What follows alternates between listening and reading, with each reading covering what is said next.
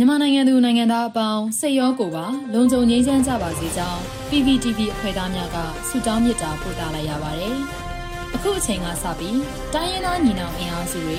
ပြည်သူ့ကာကွယ်ရေးတပ်မတော် PDF တပ်သားတွေနဲ့ပြည်သူလူထုတို့ရဲ့အရှိန်အဟုန်မြင့်လာတဲ့တိုက်ပွဲသတင်းတွေကိုစူးစီးတင်ဆက်ပေးသွားမှာဖြစ်ပါတယ်။ကျမຫນွေဦးလင်းအိမ်ပါ။ ပထမဆုံးအနေနဲ့ရန်ကုန်မြို့မှာရှိတဲ့လေတပ်ဝန်ထမ်းအိမ်ယာနဲ့ရွှေပြည်သာလူမှုဝန်ထမ်းရုံးဤမြောက်ကလာတို့မှာဘုံကွဲပြီးစစ်သားတအုပ်သေဆုံးတဲ့တဲ့ရင်ကိုတင်ဆက်ပေးမှာပါ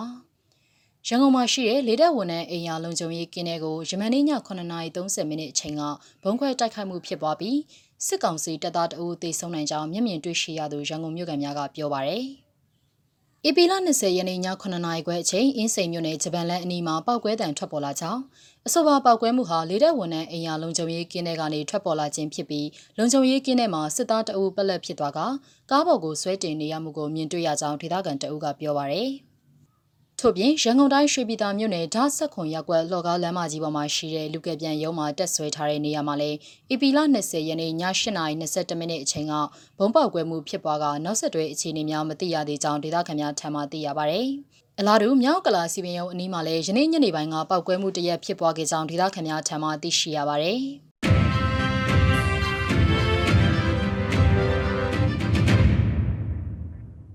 မြင်းချံအမတ်တေရဲစခန်းဘုံပစ်ခံရပြီးနောက်စစ်သား2ဦးသေဆုံးတဲ့တဲ့ရင်ကိုဆက်လက်တင်ဆက်ပေးပါမယ်။မန္တလေးတိုင်းမြင်းချံမြို့နယ်မှာ AP လ20ရက်နေ့ကအမတ်တေရဲစခန်းကို PDF စုပေါင်းတပ်တွေကလက်ပစ်ဗုံးနဲ့ပစ်ခတ်တိုက်ခိုက်ရာစစ်သား2ဦးသေဆုံးကြောင်းတိုက်ခိုက်မှုကို MG6 ပျောက်ကြားတပ်မြင်းချံနှလုံးလာလူမိုက်ကြီးများအဖွဲ့မြင်းချံနဲ့ပြည်သူ့ကာကွယ်ရေးတပ်မတော်မြင်းချံခရိုင်အမှတ်9ကပူးပေါင်းတိုက်ခိုက်ခြင်းဖြစ်ကြောင်းဒေသကာကွယ်ရေးတပ်တွေကသတင်းထုတ်ပြန်ပါတယ်။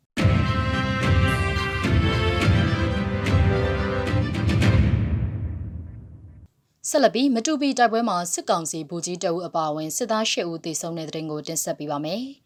ချင်းပြည်နယ်မင်းတပ်မတူပီလမ်းမမှာမတူပီအခြေဆိုင်ခမရ304တရင်လက်အောက်ခံစစ်ကောင်စီတပ်နဲ့မတူပီ CDF တို့ AP လ20ရက်နေ့မှာတိုက်ပွဲဖြစ်ပွားခဲ့ပြီးစစ်ကောင်စီဘက်မှဘူကြီးအဆင့်ရှိသူအပါအဝင်၈ဦးသေဆုံးက9ဦးထပ်မံဒဏ်ရာရရှိခဲ့ကြောင်း CDF မတူပီကသတင်းထုတ်ပြန်ထားပါတယ်။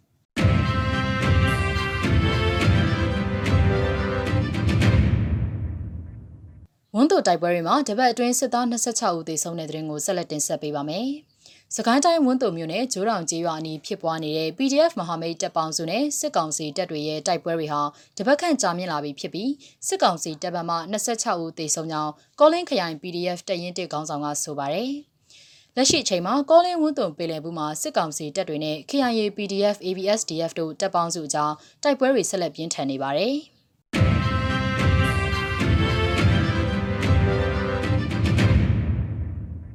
နောက်ဆုံးအနေနဲ့ရွှေဘုံမြို့မှာရှိတဲ့စစ်တပ်ဘက်တော်သားလက်နက်ကင်ပြူစောတိအခြေချစခန်းတွေကိုဒရုန်းနဲ့ပုံကျဲတိုက်ခိုက်မှုမှာတအူးသေဆုံးတဲ့တဲ့ရင်ကိုတင်ဆက်ပေးပါမယ်။ဧပြီလ19ရက်နေ့ကစကိုင်းတိုင်းရွှေဘုံမြို့နယ်ပယံရွာပြူစခန်းနဲ့ခွန်အောင်ကြီးရွာပြူစခန်းကိုမဟာမိတ်တွေနဲ့ပူးပေါင်းပြီး Royal Tiger Guerrilla Force အဖွဲ့ကအီနာဂါဘုံတလုံးလက်လုံဘုံတလုံးချပေးခဲ့ကြောင်းပယံရွာမှာပြူစောတိတအူးသေဆုံးတယ်လို့သိရှိရကြောင်းခွန်အောင်ကြီးရွာမှာအထီးကိုက်မသိရသေးကြောင်းသက်ဆိုင်ရာဒေသကာကွယ်ရေးတပ်ဖွဲ့တွေရဲ့သတင်းထုတ်ပြန်ချက်အရသိရှိရပါတယ်ရှင်။